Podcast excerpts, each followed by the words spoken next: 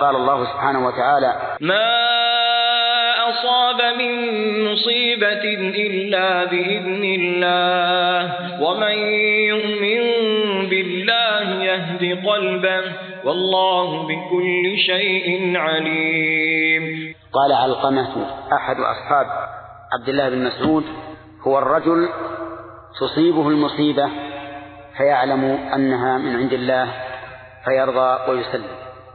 نعم نرضى بذلك.